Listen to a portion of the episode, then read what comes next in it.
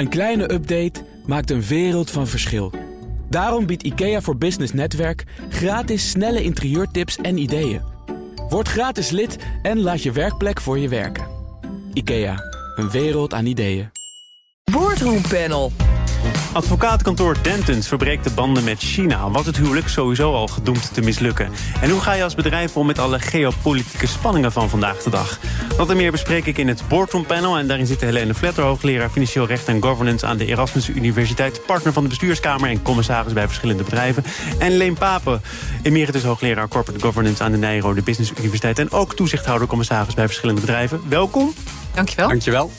De Corporate Governance Code uh, die is in 2022 vorig jaar herzien. En het woord geopolitiek wordt niet één keer genoemd. Daarover schreef het NRC afgelopen maandag een uitgebreid artikel. En de vraag is, hoort die term dan niet thuis uh, in die code... en bij het besturen van grote bedrijven... in tijden van oorlog, geopolitieke spanningen en sancties? Ik begin even bij jou, Helene, en met een goede reden... want jij was lid van de monitoringcommissie Corporate Governance Code... kwam ook aan het woord in dat NRC-artikel. Uh, voor de mensen die dit panel voor de eerste keer luisteren... want het is een vaak besproken document.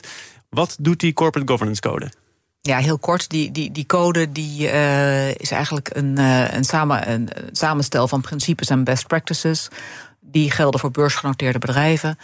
En het idee is dat die bedrijven uh, ofwel die principes en best practices toepassen in de manier waarop ze hun bedrijf voeren, ofwel uitleggen waarom ze dat niet doen. En als er steeds meer in die code staat, dan zijn er dus ook steeds meer zaken die bestuurders van bedrijven potentieel moeten uitleggen. Klopt. Is dat ook een reden om die code dan maar zo beknopt en beperkt mogelijk te houden? Nou, ik, denk wat je wil is dat mensen, uh, de, de leiders van bedrijven, goed nadenken over, uh, over op de manier waarop ze hun bedrijf uh, in de markt zetten, waarop ze er leiding aan geven en de strategie van hun bedrijf. En de vraag is of je daar dan heel veel regels voor nodig hebt, of dat je juist zegt: we willen een aantal principes. En uh, dat is de manier waarop wij vinden dat je in Nederland uh, zaken zou moeten doen. En daar moet je maar eens over nadenken, met elkaar over spreken en, uh, en dat eventueel uitleggen. En jij sorteert voor op het tweede? Ik sorteer een beetje voor op het tweede, ja. Waarom?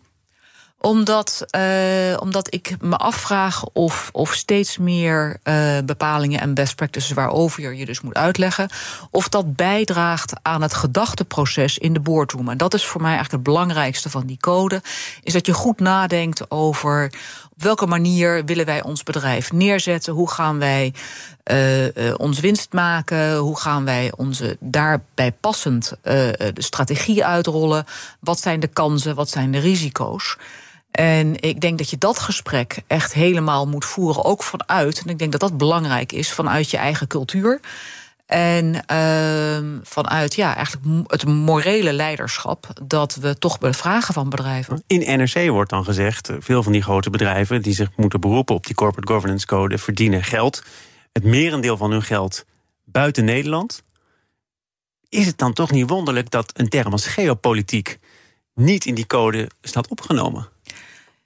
Ja, ik heb daar wel over nagedacht. En de vraag is van waar zou je dan de term geopolitiek moeten verankeren in die code? Want geopolitiek is zo'n breed onderwerp. Kijk, het hoort bij je strategie, het hoort bij je risico's, het hoort bij, uh, bij een, de kansen, de uitdagingen. Dus om nou te zeggen, weet je, dat woord moet in die code. Ik denk, zoals ik in het artikel aan de orde kwam, dat geopolitiek is een hot topic in alle bestuurskamers. Um, maar het komt dus op. Waarom is het zo'n hot topic? Omdat het op allerlei onderwerpen weer terugkomt. Dus ik, ik weet eerlijk gezegd niet, maar dat is misschien mijn eigen onvermogen, onder welk hoofdje, welke noemer dat dan zou moeten. Ja, Paulien van der Meermoor komt ook aan het woord in dat artikel. Voorzitter van de monitoringscommissie, die zegt tegen de krant: Geopolitiek was ook wel een onderwerp bij de totstandkoming van die nieuwe tekst. Maar waar had het moeten staan? Ik ben er zelf niet uit en andere bestuurders ook niet.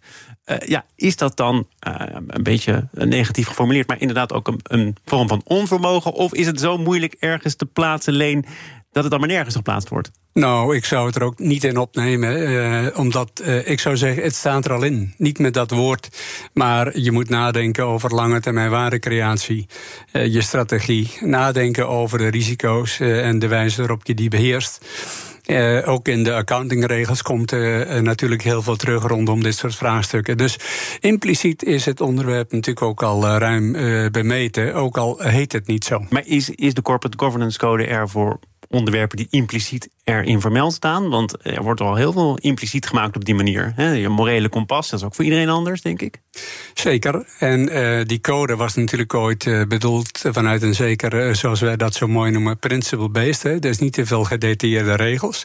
Dus op het moment dat je er steeds meer onderwerpen expliciet in gaat benoemen, cultuur, gedrag, toon aan de top, geopolitiek, ja, dan wordt het op den duur wel weer een, een soort kookboek. En dan gaan bedrijven, wat je ook ziet gebeuren, gaan afvinken. En dan komt er weer een keurige, schabloonmatige tekst die de facto weinig zegt. Dus ik ben ook wel voor less is more, minder uh, gedetailleerde regels. En zou dat dan leiden tot een beter ander gedrag van bedrijven en de bestuurders van die bedrijven? Dat laatste, weet je, de code was natuurlijk bedoeld om te zorgen dat bedrijven hun huiswerk nog beter zouden doen dan ze al deden. En de vraag is natuurlijk altijd: is dat ook het effect geweest van de code? En daar heb ik zelf eerlijk gezegd nog wel een vraagteken bij, bij te plaatsen. Want ja, eh, de vraag is: komen er nu minder eh, schandalen? Gaat het beter, minder slecht dan vroeger? En het antwoord is: dat is natuurlijk heel moeilijk te bewijzen voor een wetenschapper. want je kunt niet vergelijken tussen een situatie met of zonder code. Maar op zijn minst heb ik nog wel een vraagteken of die code nu wel zo effectief is. Welke vraagtekens uh, zet jij? Nou, ik, ik, ik, ben misschien wat optimistischer van aard dan Leen. Maar ik denk dat, dat een aantal onderwerpen. Uh, zoals bijvoorbeeld diversiteit. Uh, en uh, bijvoorbeeld de, de, de evaluatie van het functioneren van boards. En Bijvoorbeeld het feit dat je maar twee termijnen in beginsel zitting mag hebben. Ik denk dat, dat de code wel degelijk heeft bijgedragen aan een zekere. Um, nou, laat ik maar zeggen, betere hygiëne in de top. Dus ik, ik denk dat de code wel degelijk goede dingen heeft gedaan. De vraag is: um, heb je de code in de toekomst nog nodig? Maar uh, Leen, die met een wetenschappelijke bril bekijkt, en die kan jij ook opzetten als uh, hoogleraar. Ja. Is dan toch, ja, was het zonder die code beter geweest? Hoe meet je dat? Heb jij daar wel een antwoord op? nou, hygiëne in de top? Ik, ik, denk dus dat, dat de code heeft bijgedragen aan, uh, aan een betere hygiëne in de top. Uh, kun je schandalen voorkomen? Nee. Net zo goed als dat een goed opgezette fraude kun je uh, uh, ook niet detecteren. Ja, anders, over anders dan, precies, anders zou niet de term goed opgezet erbij horen. Dus kun je alle schandalen voorkomen? Nee kun je, heeft de code eraan bijgedragen dat, uh, dat bestuurders en commissarissen zich beter bewust zijn van hun, van hun verantwoordelijkheden en hun taken serieus nemen, met name commissarissen? Dan denk ik wel degelijk. Maar zoals ik al zei, dat is dus terugkijkend de afgelopen jaren. Uh, de vraag is, wat is de toekomst van de code en wat, wat moet daar dan in? En volgens mij wordt daar dan nu uh, hard over nagedacht. Maar bestaat er bij uh, bestuurders van bedrijven een neiging om zoveel mogelijk ook buiten die code te houden? Ik herinner me een interview met Paulien van der Meermoor over duurzaamheid als belangrijk onderwerp toegevoegd aan die code. En de telefoons die zij kreeg van bestuurders, die zeiden: Nou, Paulien, ik snap dat je ermee bezig bent, maar rustig aan een beetje. Want het is weer iets waar wij zo meteen moeten uitleggen wat we wel of niet doen. Ja, maar, maar dat, Thomas, dat, ik denk dat dat een onderwerp is. Daar is zoveel Europese regelgeving die daar ook al op ziet. Dat uh, die bedrijven die weten dat ze aan al die Europese regelgeving moeten gaan voldoen. Uh, Um, de vraag is, wat kan de code daar dan nog aan toevoegen? Komt er, komt er veel tegengas op het moment dat je zegt... dit willen wij graag toevoegen? Van bedrijven of bestuurders van bedrijven die dat niet zien zitten? Het antwoord is ja. Eh, dat tegengas is er. En de VO is natuurlijk ook lid. En is ook uh, in mijn ogen altijd een sleepanker. En Paulien van der Meer-Moor heeft natuurlijk ook uh, niet mis te verstaande bewoordingen duidelijk gemaakt. wat haar frustratie was en waar die uit voortkwam. En dat was toch wel vanwege dat tegengas. En duurzaamheid als onderwerp. Het staat nu niet in de code. terwijl het natuurlijk een enorm belangrijk onderwerp is. En ik zeg ook, die code is dus nu al achterhaald. Want de Corporate Sustainability Sustainability Reporting Director vanuit Europa, die haalt die code links en rechts drie keer in. Dus ja, wat is dan op dat punt nog het nut van de code? Die is er gewoon niet meer. Dus vandaar de vraag: moet je het in de code zetten? Of wordt de code al ingehaald door, uh, door Europese regelgeving? En wat blijft er over van de code? Ik denk dat dat een terechte vraag is. NRC schrijft eh, over die code: de ondernemingskamer zet de code actief in om gedrag te toetsen. Dus niet langer zelfregulering, het toepassen van principes of het uitleggen waarom je daarvan afwijkt, maar regulering, omdat er nu een juridisch kader wordt geschapen via die ondernemingskamer. En zegt NRC dat maakt bestuurders kopschuw. Zou dat het zijn, Leen? Nou, dat weet ik niet. Kijk, er is al heel veel uh, uh, onderzoek gedaan naar zelfregulering. En de generieke conclusie is, uitzonderingen dagen laten, het werkt niet. Uh, dus zelfregulering is een weinig effectief instrument. Op het moment dat een ondernemingskamer natuurlijk zegt, ik ga die code natuurlijk wel hanteren als een kader waar ik een toetsing mee uitvoer, dan wordt het natuurlijk toch wel een, een tandje strikter en strenger. En dan wordt het meestal weer effectiever. Dus ik juich dat ook wel toe dat uh, de ondernemerskamer dat op die manier doet. En ja, dan is de vraag weer: waar is het onderscheid gebleven tussen uh, een, een, code die uh, beoogt was zelfregulering te zijn, dan wel datgene wat je in een wetgevend kader opneemt? een goede vraag. Ja. En wat zeg jij dan? nou, ik ben niet voor meer regels. Hè. Meer regels is niet de oplossing, maar is het probleem. Dus laat ik dat even zeggen. Maar ik heb in mijn afscheidscollege, we hebben er nog even aan gerefereerd, op 8 december geroepen.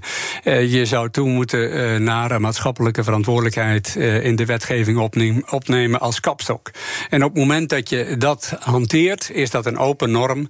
En die kennen we al heel lang in de wet met redelijkheid en billijkheid. Dus die kun je ook toepassen voor maatschappelijk verantwoord ondernemen. Dus komt iedereen op de banken? En uh, de helft, zeg ik. Nee. De helft niet en de andere helft wel. En ja. daarmee heb je eigenlijk maar één regeltje nodig. Gij zult maatschappelijk verantwoord ondernemen. Punt. En dan moet je met elkaar in het publieke domein natuurlijk uitzoeken naar wat dat dan is. Reactie van Helene Vletter? Nee, ik, ik, ik, ik, ben, ik, ben er, ik ben het wel mee eens. Maar ik denk dat je uiteindelijk wat je hebt. Ik noem dat dan, je wil dat bedrijven zelf gaan nadenken over hoe ze in de maatschappij willen staan. En um, uh, daar, daar gaat het mij eigenlijk om. Weet je, bedoel, laat bedrijven gewoon zelf bedenken. Ja. Uh, dit is wie wij zijn en dit is wie wij willen worden als we later groot zijn. En we gaan er op deze manier gaan we er komen. En meer verlang je eigenlijk niet van bedrijven, denk ik. Helene, jij zegt tegen NRC: ik kom ook onder de mensen. Ik ben niet wereldvreemd. Ik moet ook kunnen uitleggen waarom ik dingen wel of niet doe. Dat geldt ook voor bedrijven. Ja. Maar daarvoor geldt dan toch weer dat voor de wat voor de een acceptabel is, voor de ander al ver in een grijs gebied is. Vanzelfsprekend. Maar ik zeg ook niet dat door dit te doen, dat we het met z'n allen eh, eens zullen zijn. Maar ik vind wel dat, dat als ik commissaris ben bij een bedrijf, dat ik moet kunnen uitleggen waarom een bedrijf een bepaalde strategie heeft. En uh, ik wil hem nog wel een tandje verder voeren. Als het bedrijf een bepaalde strategie heeft waar ik het falikant mee oneens ben, ja, dan, dan denk ik dat ik daar op een gegeven moment niet thuis hoor. Heb je dat wel eens moeten besluiten? Nee, nog, nog niet. Uh, en ik hoop ook dat dat niet gaat gebeuren. Maar, maar als dat wel gebeurt, ja, ik denk dat dat, dat zegt dan niks over bedrijf. Dat zegt gewoon dat, dat bedrijf en ik niet bij elkaar passen. En ik denk, zo zou je het maatschappelijke dialoog ook uh, uh, aan moeten gaan. Nog heel even terug en, en, kort graag naar waar we mee begonnen, namelijk geopolitiek niet opgenomen in de Corporate Governance Code. Tegelijkertijd natuurlijk de situatie dat sommige bedrijven, grote bedrijven, op dit moment nog actief zijn in Rusland. Soms met berichtgeving dat die activiteiten ook niet bepaald worden afgebouwd, maar dat er wordt geprofiteerd van bepaalde omstandigheden. Alleen zou iets in die code of een ander beroep op die code uh, misschien een duidelijker richtsnoer zijn voor bedrijven die worstelen met de vraag: wat moet ik nu precies wel of niet in Rusland? Nou, dat denk ik niet. Dat moet je niet via, via die code oplossen. Dus in die zin uh, uh, onderschrijf ik wat Helene zegt. Dat is een discussie die je in de boardroom met elkaar hebt. Wat vinden we wel en wat vinden we niet gepast? En daar is niet een soort generieke regel voor te bedenken die je in een code zou kunnen opnemen. Anders dan denk erover na. Maar ja, jeetje, dat is een open deur van hier tot Tokio. Ja, die, die, die sta ik niet eens toe. We gaan naar een ander onderwerp. Okay. BNR Nieuwsradio. Zaken doen. Thomas van Zeil. Het boardroompanel is het gast met Helene Vletter en Leen Papen. Door het faillissement van incassobureau en schuldenhandelaar Direct Pay Services dreigen tienduizenden consumenten die al met schulden zitten nog dieper in de problemen te raken. Blijkt uit onderzoek van het Financiële Dagblad. Het probleem is zelfs zo groot dat het bureau kredietregistratie BKR een unieke noodgreep aankondigt. Helene, even heel kort, wat, wat doet een schuldenhandelaar? Ja, als ik het goed begrijp, dan, dan uh, wat DPS doet, is uh, ze kopen schulden op. En um, proberen die met, laten we zeggen, nogal agressieve incasso-manieren... proberen ze die snel te innen. Waarbij de mensen die, die het krediet hebben gekregen en dus niet afbetalen extra rente in rekening worden, wordt gebracht. En uh, eventueel ook incassokosten kosten en gerechtelijke kosten. Verrijking, daar hebben ze het zelf over. Verrijking noemen ze het zelf, ja. ja ik probeer dat woord. Dat probeerde ik in mijn omschrijving te vermijden. Pardon, maar dat excuus, is, ja. is toch mislukt. maar dat, is, dat, is, dat is het verdienmodel. Ja, ja, ja, ja, ja En dat deden ze op een tamelijk agressieve manier. Dagvaardingen uitsturen ook. Rechtbanken die helemaal op het dolven werden. Het ging om tienduizenden dagvaardingen. En toen veranderde er iets in het beleid. Misschien hebben die rechtbanken de deur wel iets minder opengezet. Er kwam een bedrijf in de problemen. Ja, het lijkt er sterk op dat dat bedrijf toch zijn zaken niet op orde had. Hè. Dus de code niet goed gelezen en niet goed nageleefd, denk ik dan. Om maar even terug te grijpen naar dat andere onderwerp. Eh, als je al vanaf 2018 geen jaarrekening eh, kunt publiceren en ook je accountant eh, de tent uit hebt gejaagd, dan is er toch wel wezenlijk wat mis. Eh, en kennelijk was het dweilen met de kraan open en is het faillissement in eh, december 2022 uitgesproken. En ja, is nu de curator natuurlijk hard aan het werk om te proberen zoveel mogelijk nog uh, te redden. Ja, wat doet die curator wel en wat doet hij niet? Want uh, daarover gaat het in het artikel ook. Hè. Het zijn dus mensen met schulden. Die zijn voor een deel geregistreerd bij BKR... als die schuld een bepaalde hoogte heeft. En omdat de... Uh, de administratie in chaos is, moeilijk toegankelijk is, uh, wordt dat ook voor die mensen een steeds groter probleem. Ja. De curator zegt: uh, ja, ik ben niet op aarde om uh, de processen en de werkwijze van DPS voor te zetten. Als een aannemer failliet gaat, is een curator ook niet aangesteld om de huizen af te bouwen. Nee, dat is waar. En die curator heeft natuurlijk de dure plicht om te zorgen dat er zoveel mogelijk centjes nog boven water komen om schuldenaren af te kunnen lossen. Uh, dat is zijn taak. Maar moet hij toch wat meer doen in dit geval? Nou, dat laatste is natuurlijk. Uh, ik, ik, denk uh, eerlijk gezegd van wel. Hè. Dat is de enge opvatting van de taak. op het moment dat je natuurlijk ook nog als curator zoekt naar een oplossing, of dat nou een doorstart is of een verkoop van een bedrijf, ja, dan kun je niet zeggen dat het enige wat ik moet doen is zoveel mogelijk geld eh, zien te vergaren. Want dat geld vergaren kan ook eh, bestaan uit het eh, op een goede manier regelen van een doorstart of het verkopen van de boedel. En dan moet je wel een boedel hebben die natuurlijk nog wat voorstelt en waar het niet nog een grotere puinhoop is geworden dan het al was. Dus ik vind die taakopvatting van de curator in dit geval wel een beetje te, te beperkt. Ik vraag meteen uh, om een reactie aan de andere kant van de tafel. Ja, ik, ik denk inderdaad, we hebben, waar je het over hebt... dus je, moet, je, je wilt natuurlijk zoveel mogelijk een going concern wil je, wil je verkopen. En de curator heeft laten weten dat hij actief op zoek is... naar, naar iemand die, uh, die het bedrijf wil kopen...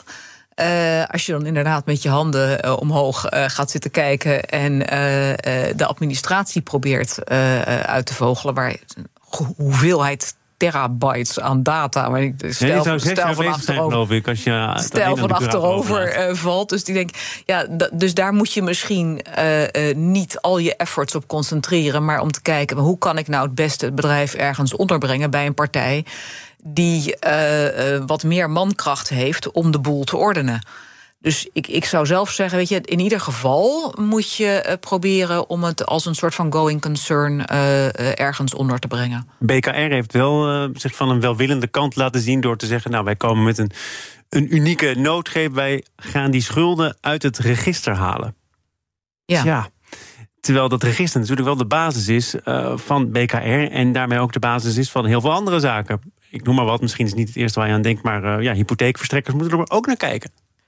Is dit dan iets waarvan je zegt, ja, de omstandigheden dwingen BKR ertoe en heel veel mensen zijn erbij gebaat, dus laat maar doen?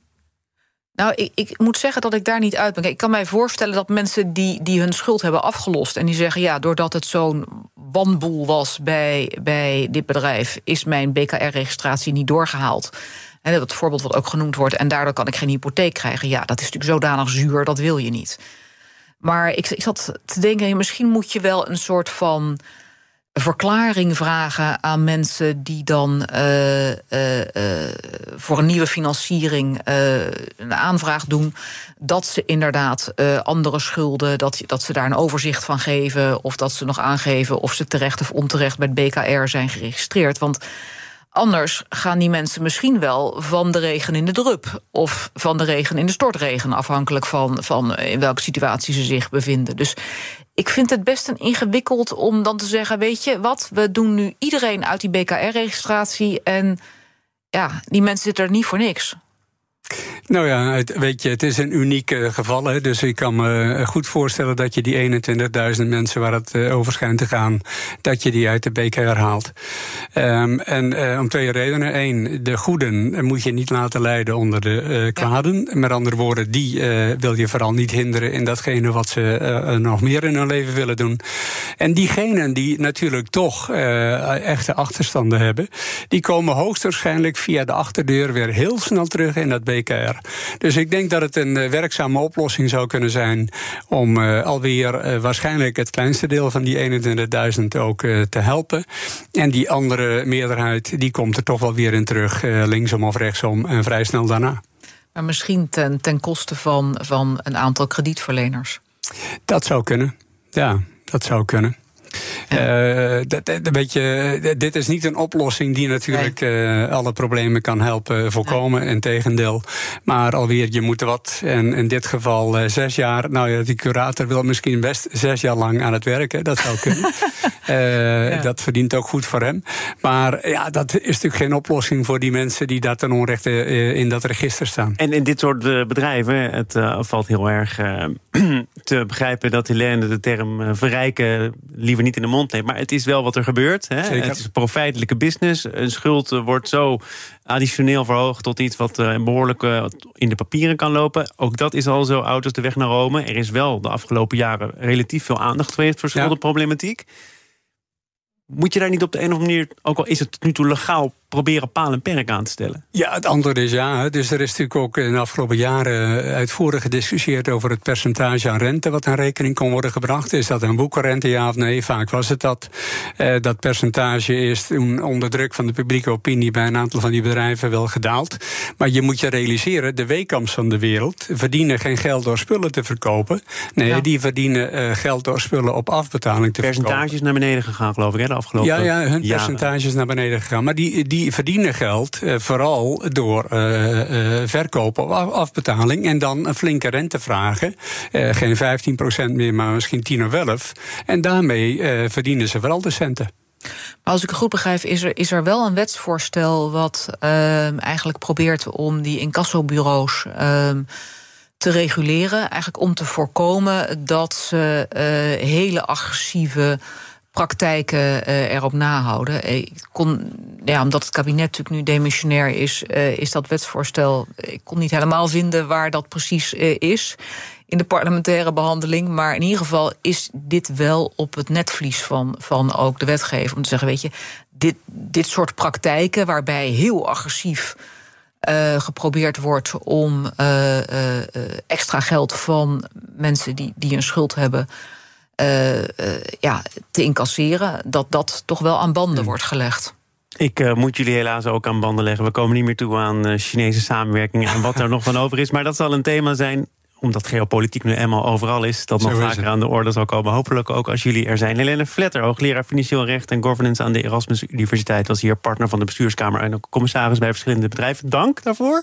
Geen dank. Leen Papen was er ook, emeritus hoogleraar Corporate Governance aan de Nijrode Business Universiteit. En ook toezichthouder, commissaris bij verschillende organisaties en bedrijven. Leen, tot de volgende keer. Thomas, dankjewel. Graag gedaan. Dit panel is ook te beluisteren als podcast. Abonneer je dus vooral even via je favoriete kanaal of de BNR-app. Zometeen gaat het over de ondergang van de Frieslandbank, US-bank. Daarover verscheen een interessant lezenswaardig boek. De schrijver is zometeen te gast. Een kleine update maakt een wereld van verschil. Daarom biedt IKEA voor Business Netwerk gratis snelle interieurtips en ideeën. Word gratis lid en laat je werkplek voor je werken. IKEA, een wereld aan ideeën.